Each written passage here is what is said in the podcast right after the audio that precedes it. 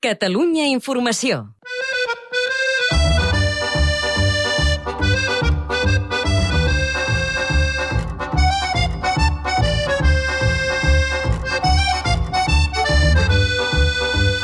Avui arrenca a Besalú, a la Garrotxa, Nits de Circ, una nova proposta estiuenca de circ a l'aire lliure.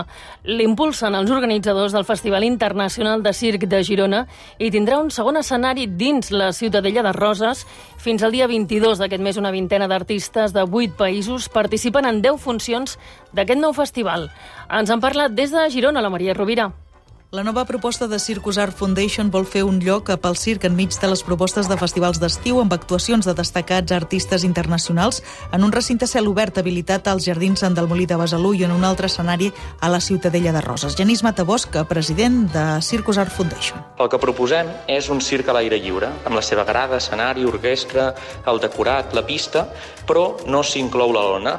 Això ens permet doncs, efectes estètics tan bonics com, per exemple, veure els trapezistes volants i tota la resta d'artistes sota les estrelles. Una desena de funcions amb actuacions com les dels trapecistes Flying Martini d'Itàlia, una de les millors malabaristes femenines del món, la francesa François Rocher, o l'espectacle de cintes aèries de Viviana. Nits de circ programa quatre funcions entre avui dissabte a Besalú i a la Ciutadella de Roses entre el 17 i el 22 d'agost.